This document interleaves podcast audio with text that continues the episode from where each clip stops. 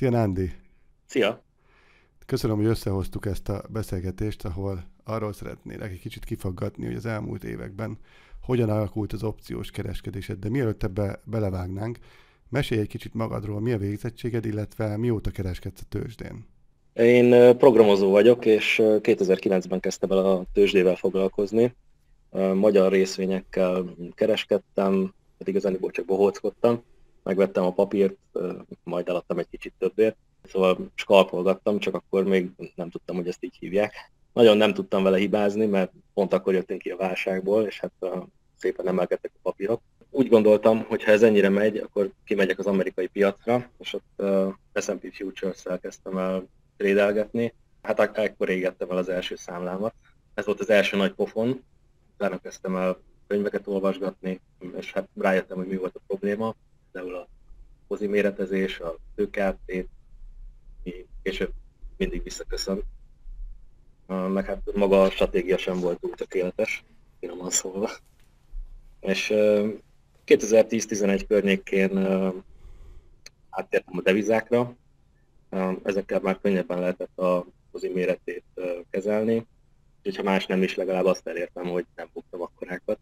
Nagyjából ebben az időben kezdtem el forex robotokat is írni, egy-két év alatt rengeteget készítettem, megismertem a, megismerkedtem az összes létező indikátorral, szinte az összessel és hát rájöttem, hogy igazából egyik sem tudja előre jelezni a jövőt. A két legjobban működő robotom úgy működött, hogy nem is használt indikátor. Ekkor futottam bele a backtest és a forward test problémájába is, hogy amit a backtest mutat, az korán sem garancia jövőre nézve, és hát minél jobban optimalizálom a stratégiát, annál inkább nem. Amúgy erről a fórumban is írtam a backtest topikban. És egyébként hány évet szántál erre a robotírásra? Hát ez körülbelül kettőt. Én is egyébként kettő évet szántam erre, én még annó, még metatraderrel próbálkoztam, de kb. hasonlóra jutottam, mint te, viszont iszonyatosan sok időt elvett.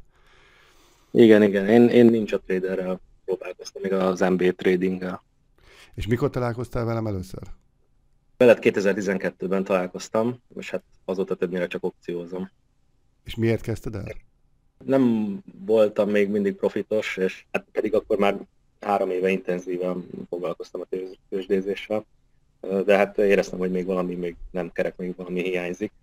Hogy úgy gondoltam, hogy ha ennyi idő alatt nem sikerül komoly eredményeket elérni, akkor még mindig rossz az út, amin járok, és hát így tovább tanulnom. És ezen a rossz úton milyen termékekkel próbálkoztál, mielőtt így belevágtál az opciós világba? Ugye magyar részvényekkel, mm, S&P Futures, Forex, és hát vegye, vegyesen mindenféle stratégiákkal kipróbáltam a, skalpolást, a trendkövetőt, a day trading, swing trading, swing trading robotokat futtattam, de ott is előjött a pszichó rész, hogy belenyúltam kézzel a robot futásába. Például esett az árfolyam, és az a robot meg nem száll ki ugye még a stop elérése előtt, ezért én, én zártam helyette kézzel. Aztán vagy fordult, vagy nem. Tehát később derült ki, hogy kinek volt igaza. És mik voltak az első opciós próbálkozások ennyi ennyi kudarc vagy próbálkozás után?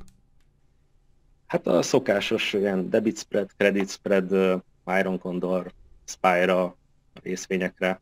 Akkor még naplóztam, és láttam, hogy a credit spread az talán profitábilisabb lehet, mint a debit spread, de valami még mindig uh, még hiányzott.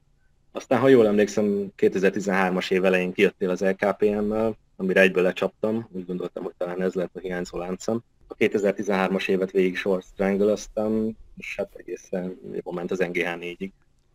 Azért azt mondjuk el a hallgatóknak, itt egy pillanatra megszakítanálak, hogy a debit spread és a credit spread között az a különbség, hogy általában debit spread az célirányra játszik, van egy célár elképzelés az embernek, és az időérték ellene dolgozik, a credit spread meg általában a szintet kereskedik, és az idő vele van, csak így nagyon röviden. Illetve a short strangle az azt jelenti, hogy fedezetlen iránymentes stratégiával kereskedsz valamilyen alaptermékre. Tehát a 2013-as évet végig sorszrengölözted, és azóta hogy fejlődött a stratégiád? Ugye az alap az a 30 nap körüli vízdeltás sorstrangle volt, kb. egy évig tartottam is magam ehhez, mert működött. Aztán jött az NGH4, utána változott meg minden. Ez a márciusi földgáz, az NGH4. 2014-ben. Igen, igen, igen, 2014. Aztán elkezdtem új stratégiát, új stratégiákat keresni, ugye a backspread, a diagonal spread, kettőnek a kombinációja, vagy a dupla diagonál backspread, van egyáltalán ilyen. De a legnagyobb tanulság az az, az volt, ami így évek alatt ülepedett le, hogy, hogy nem a stratégiában van a hiba, nem a termékben van a hiba, meg nem másban van a hiba, hanem bennem volt a hiba és a pozi méretezésben. Hogyha három-négy kontraktussal mentem volna be a földgázba, akkor, akkor a short lejárt volna OTM-ben és profitban. Lapjával véve mindig a, az iránymentes kiíró oldalon szeretek lenni, de például gázba gyakran viszek bele irányt is. Érdekes, Nándi, hogy te is a pozi méretezést említed. Az elmúlt két-három interjúmban gyakorlott opciós diákokkal szinte csak ez jött elő, hogy ahol az emberek buktak, és, és kudarcot vallottak, vagy legalábbis nagy tapasztalatot szereztek, és nagy tanító volt, ott mindig a pozi méretezéssel volt a gond, és úgy látszik, hogy ezt te is visszaigazolod, hogy nem magával a stratégiával volt a gond, hanem azzal, amekkora pozit felvettél. Hát igen, ez, ez mindig visszatérő hiba. Nagy pozit. És egyébként mik a kedvenc termékeid? Hát ez idővel változó volt, kezdetben a földgáz volt az alacsony margin miatt, majd az NGH4 után mondtam, hogy soha többet gáz short aztán az olaj lett, meg a kötvény, most meg megint a földgáz. Szerintem így kiismertem így, így hat év távlatából, illetve hát szeretném azt inni, hogy kiismertem. Hát mondjuk minden földgázban töltött év tanulságos volt, 2014-es meg a 18-es volt talán a legtanulságosabb. Hát mindig tud újat, újat mutatni a földgáz. De ilyen közepesen hosszú távon szerintem azért jó, jól kereskedhető. Már csak azt kell felismerni, hogy mikor, mikor szabad esest kötni, meg mikor longolni a volatilitást. És ha már így ennyit beszélünk az NGH4-ről, akkor mesélj már nekem a legnagyobb és legemlékezetesebb buktádról, ami sejtem, hogy az NGH4 volt, igaz? Hát igen, igen. Írtam egy csomó márciusi hetes kolt, ha jól emlékszem, 35 darab short kolom volt nyitva. Ugye, nagyjából 350 dollár között mozgott, egy darab marginja, és hát 200 dollár volt egy darabnak a kreditje. Hát ez, ez több mint 50%-os hozam lett volna, de úgy gondoltam, hogy nem lehet gáz, mert messze vannak a kiírt lábak. Azt hiszem 4 dollár volt akkoriban a földgáz ára. Tehát gyakorlatilag 4 dollár volt ez a laptermék, és te a hetes kolt írtad ki annak reményében, hogy az árfolyam lejáratig nem éri el a hetet. Igen, igen, ez volt a, ez volt a terv. Uh-huh. Hát aztán, aztán a, a, az árfolyam az teljesen megborult, margin az egekbe szökött, és hát ez a 350 dolláros kezdeti margin, ez felment 10 ezer dollárra egy wow. kontira. Úgyhogy a 35 darab pozihoz ugye kellett volna egy 350 ezeres számla, hogy egyáltalán csak tartsam. De hát mondanom se kell, hogy nem volt ekkora számlám. Az IB elkezdett szép lassan likvidálni, és egy ilyen negatív spirálba kerültem. Az NLV, ez a Net Liquidation Value, ez, ez folyamatosan csökkent, aztán átment mínuszba, mert olyan pozikat is likvidált, amik, amik már rég profitban voltak, viszont elég illikvid volt, mint például az élő marha, ebből amúgy több pozin volt, mint a földgázból. Szerintem ott valamit amúgy elrontott az eBay a margin kalkulációnál, mert 50 dollárt kértek egy kontraktusért, ez most már olyan négy számjegyű körülbelül. Mármint az élő marhánál, ugye? Igen, igen, egy kontraktus volt 50 dollár. Tehát, Na, azzal még soha nem trédeltem. Ez nagyon, nagyon illikvid termék. De hát 50 dollárt kértek, tehát nem is tudom, iszonyat sokat kiírtam belőle. Tehát, igazándiból meg se érezte a számlám, mert ez nagyon alacsony. De nagyon rossz volt a spreadje, és likvidálás közben hát ugye nagyon rossz, rossz árfolyamon likvidáltak, egy negatívba fordult így a számlám. Nagyjából mínusz 2000 lett, mire mínusz 2000 lett az egyenlegen, mire mindent likvidáltak. És ez gyakorlatilag azt is jelenti, hogy volt margin call igaz? Igen, igen, volt. Hát ez, a, ez is az NGH 4 miatt volt gyakorlatilag. Így teljesen magam alatt voltam, így késő este csörgött a telefon, csodálkoztam is, hogy kikeres ilyenkor. Aztán amikor ránéztem a telefonomra, láttam, hogy egy amerikai szám, már tudtam, hogy ez egy margin call lesz. Szó szerint. Együtt, igen, együttérző hangon közölte az eBay kapcsolattartója, hogy a számlám egyenlege negatív lett, és hogy küldjek be pénzt. Aztán hát elindítottam egy utalást, majd egy hétig leveleztem a, ezzel a kapcsolattartóval, mert nem érkezett ki a pénz, mondtam, hogy utaltam, ők nem kapták meg, aztán kiderült, hogy idegességemben sima utalást is el tudtam rontani. Ha jól emlékszem, forintot utaltam ki dolláros számlára, vagy valami hasonlóba ki lehetett. A jóváírása került a bankomnál, és utána indítottam egy, egy másikat, ami már hamar megérkezett. Ez érdekes sztori, mert egyébként te vagy az egyetlen olyan ember, aki, akitől azt hallottam, hogy margin call az egy tényleges telefonhívás volt. Én még soha nem láttam embert, akit felhívtak emiatt, és kicsit meg is lep, hogy a 2000 dollár miatt telefonáltak egyébként. Hát gondolom, hogyha ilyen, ilyen pár száz dollár mínuszba került volna a számla, akkor nem hívtak volna, de, de azért 2000, mínusz 2000 lett a, a vége, egy kicsit talán mi volt ebben a történetben a legnehezebb számodra? Hát igazán ezt a, ezt a számladarálás volt a legnehezebb feldolgozni, meg, meg talpra állni. Tehát, hogy tudtam, hogy a stratégia az jó, mert korábban már láttam működni, csak pszichésen volt nehéz az egész, egész buktát feldolgozni. Hány hónapra álltál félre ezután? Hát egy, egy, egy pár hónapra, nem is tudom, három-négy hónapra biztos félreálltam, akkor kezdtem el így a backspreadet tesztelgetni. Gondoltam, hogy az, az talán majd megváltja a világot aztán végül visszatértél. De most, hogy eh, megbeszéltük ezt a buktát, nézzük, hogy mi volt a nagy sikersztorid. Volt-e olyan, illetve tudnál-e róla mesélni? Három igazándiból jó tréden volt, hát hát többi jó tréden volt, de három emlékezetes. Az első az 2015-ben eh, volt, egy, egy earning stratégiát eh, teszteltem részvényopciókkal, és hát elég jól működött.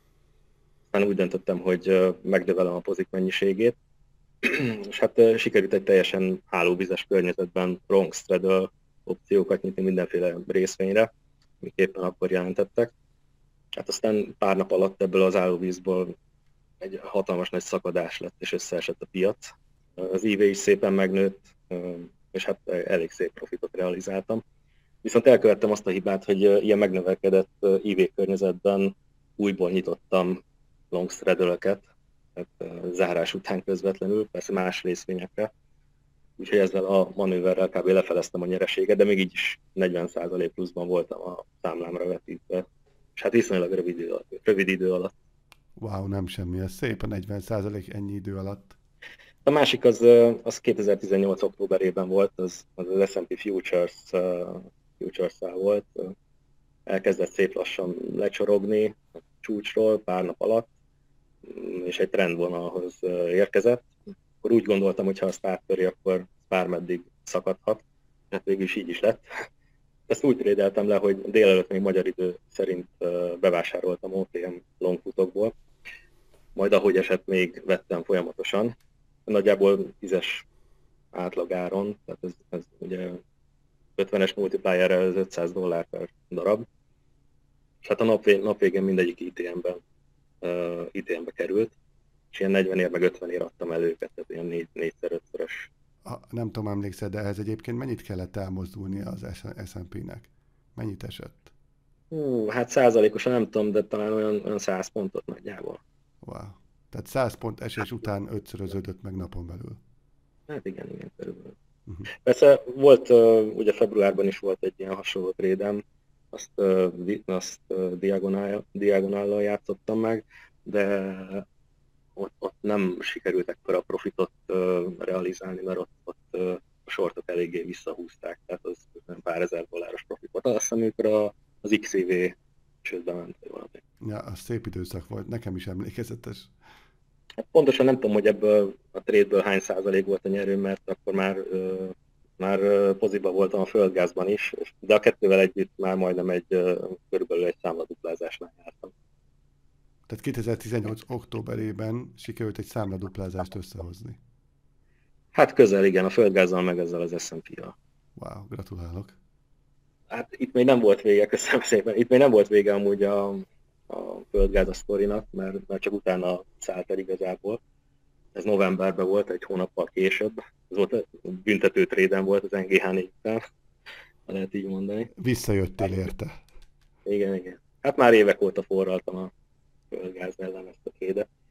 Úgy gondoltam, hogy ha ez ilyen mozgásokra képes, akkor ezt, ezt meg kell játszani, csak hát ugye nem short triangle nem feltétlenül. Ez szeptemberben, szeptember elején kezdtem el építeni amúgy a mozikat, márciusi 2 hetes sorputokat írtam ki, nem is keveset. Jól emlékszem, olyan 1400 dollár kreditet kaptam darabjáért. Szinte ATM volt, és nagyon sok volt benne az idő is. Ugye szeptemberben vettem, és márciusit. Tehát, bocsánat, hogy félbeszakítok, tehát arra játszottál a kettő hetes sort putta, hogy az alatt nem lesz az árfolyam márciusban. Igen, igen, igen. Hát ebben akkor szinte biztos voltam. És utána, utána megvettem a, annak a 6-os, 7-es kalendárnak az egyik felét, amit még a fórumban is posztoltam egyszer. És hát folyamatosan vettem még belőle, amikor még viszonylag olcsó volt. És hát emellett voltak még long alaptermékeim különböző lejáratban, 2.9-es, meg 3-as átlagáron. Hát aztán november 14-én robbant az árfolyam, és 4.9-re. Tehát, igen, ez egy emlékezetes nap volt. Hát igen, és, és hát nem, tud, nem tudhatja az ember, hogy, hogy másnap folytatja a mozgást, és felmegyünk hatra, és akkor jackpot, vagy csak ennyi volt. Úgyhogy volt egy álmatlan éjszakám 14-én, mit csináljak ekkor a nyerővel. Aztán úgy döntöttem másnap, hogy végül is elértem a célomat, mert 4 dollár körül, 4 dollár fölé vártam egy picivel, szóval túl is teljesítettem, és úgyhogy a, a felét azt kizárom. Hát az alapterméket a sikerült egyből, az opciókkal kicsit alkudozni kellett, de hát a nyerőfele, a nyerőfele az már zsebben volt. Hát így, így utólag ugye már egyértelmű, hogy november 14-én kellett volna zárni mindent, amikor az IV is a toppon volt, de hát ezt uh, előre nem lehet látni. Hát igen, utólag okosak vagyunk ebben. Hát ez is, ez, ez a trade is legalább annyira tanulságos volt, mint az NGH 4-es bukó, csak ez a másik oldalról. Szerencsére ez ellentétes előjellel. Ugye az előbb mondtad azt, hogy ezelőtt volt még egy SPX, vagy egy S&P Futures-ös szép kis majdnem számladuplázás, és itt a földgáz után ezzel a kettővel együtt hogy alakult a 2018-as év? Hát a 2018-as év az olyan 350 százalék lett a számlára vetítve. Wow, gratulálok. Köszönöm. Igen. Ebből a két iránytrédből végül is. Gyakorlatilag az egész évben két olyan trade volt, ami meg háromszorozta a számlát. Hát igen, igen, igen. Mert jól építetted a pozíciót, és kihasználtad az opcióban rejlő tőke áttétet. Igen, igen, így, így. Wow, nem semmi. Csak így tovább hallod. Ezt minden évben meg tudnád csinálni? Hát azért nem minden év ilyen, mert azért mondjuk 2016-os, 17-es azért korán sem volt ilyen fényes. oldalazó évek gondolom. Igen, igen. Hát a, a 16 az, az jó volt, um, de akkor a, az év végén azért egy, egy picit a földgáz lesz itt a, a profitom egy részét, akkor még nem figyeltem bizonyos jelekre, amikre nem árt odafigyelni. De 17-ben is voltak hibáim, de, de az is olyan 40% lehet körülbelül. Meg ebben ez az év is 40% körülbelül. A most, ugye, ez a 19-es év? Igen, a 19-es. Tehát most tartasz 40%-nál így fél évkor? Igen, igen. Nem rossz. És visszatérve egy pillanatra a földgáz trédre, mi voltak, mik voltak a legnagyobb tanulságok ebből? Ebből a büntető trédből? Hát nekem az, hogyha ha hirtelen profit, nagy profitba kerül az ember, akkor, akkor minél több pozit kell zárni, mert, mert könnyen visszafordulhat.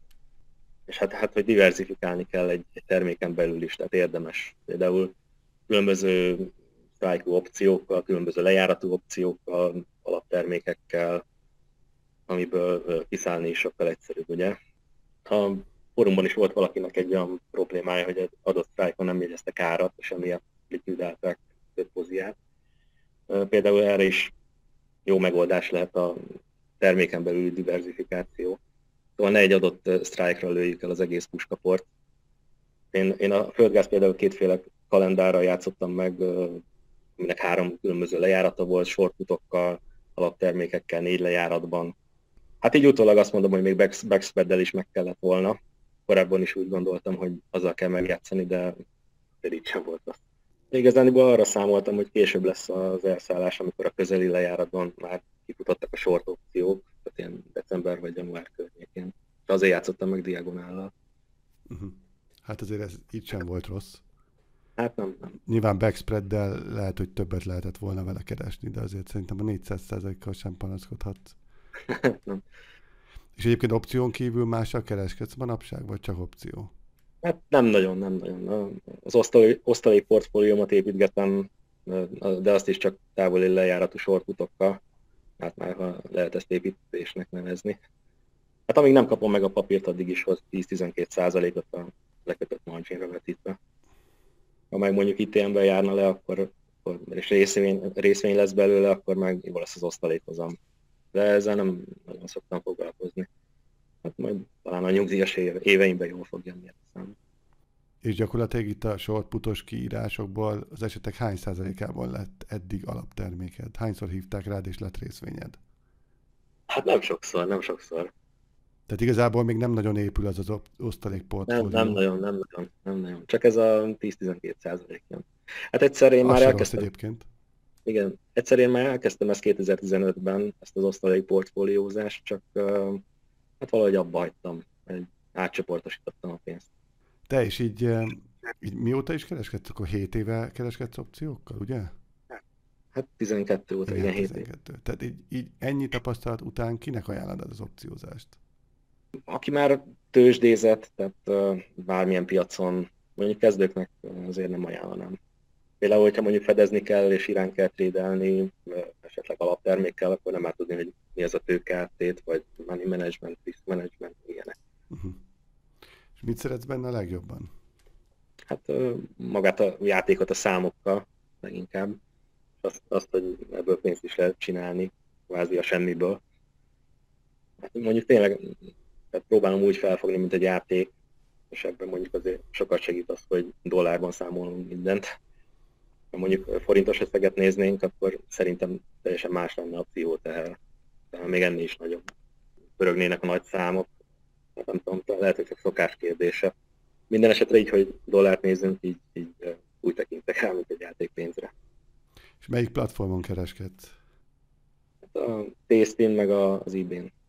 És a fő opciózás az inkább a Tasty már? Hát most a, most a Tasty, igen, átjöttem a Tasty. Gondolom azért, mert alacsonyabb a margin követelmény. Igen, igen, igen. És vagyonépítés szempontjából az opciózás hány százaléka a portfóliódnak? Hát na, viszonylag nagy, nagyjából 50 százalék. És a tőzsdepsziót hogy kezeled? Mi benne a legnagyobb kihívásod? Mert sok emberrel beszéltem már, és mindenhol előjön a tőzsdepszió, hogy hiába tudják a stratégiát, hiába értik az átalakítást, valami meggátolja őket az átalakításban, vagy megy az elbizonytalanodás, stb. Nálad mi a legnehezebb tőzsdepszichó? Hát, nálam is az, mint Szabinál, hogy ráülni a kézre. Tehát ez a hirtelen felindulásból, vagy hírre, vagy árfolyam vezérelve trédelni, talán, talán ez, ez a legnehezebb. De talán már egyre, egyre jobban tudom kezelni. Írsz ezzel kapcsolatosan bármilyen naplót? Amikor, amikor negatív a napi egyenlegem, akkor, akkor felszoktam írni, hogy ez miért történt. Uh-huh. Az is jó tanulság. Hát igen, igen. Konkrétan naplót már nem vezetek, tehát a hagyományos naplót, trading naplót. És szerinted mi kell az opciós sikerhez? Hát talán az, hogy sosem szabad feladni, bármekkora pofont kaptál, fel kell állni. Meg hát specializálódni kell egy termékre, vagy akár egy stratégiára, vagy mindkettőre. Az, hát az a legjobb, hogyha mindkettőre. Persze mondjuk a technika az valamilyen szinten alap, hogyha opciókról beszélünk. Um, ugye a pozi méret, mindig visszaköszönő, nem, nem szabad túl nagy kockázatot vállalni. És hát a, a célkitűzés nekem szerintem ez, ez nagyon fontos. Sosem gondoltam volna, hogy ennyire, hogy ugye van az a mondás, hogy akinek nincs célja, az nem is jut el sehova, és ez szerintem igaz.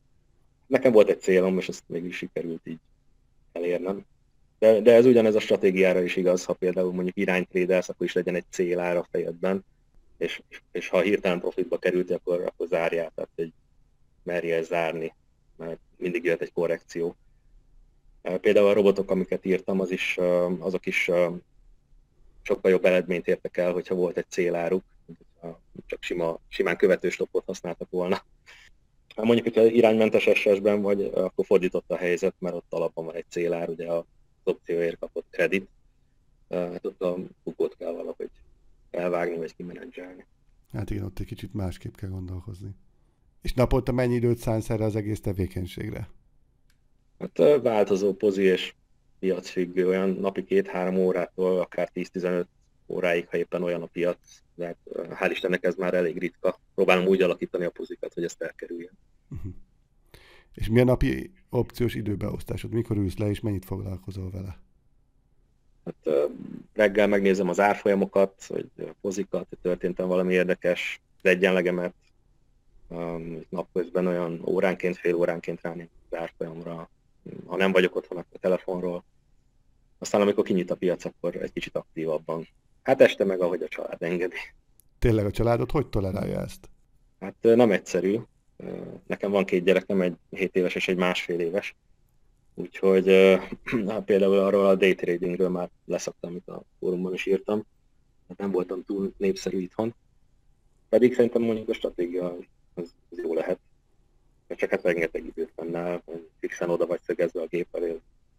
Teljesen más pszichoteherrel, mint hogyha kiíró lennél. Általában a család és a gépem között szoktam ingátni. És visszatérve egy gondolatra itt a földgázhoz, idén is eh, tervezel földgáz long pozíciót nyitni ősszel, télen, hogyha egyébként a fundamentális elemzésed alátámasztja ezt?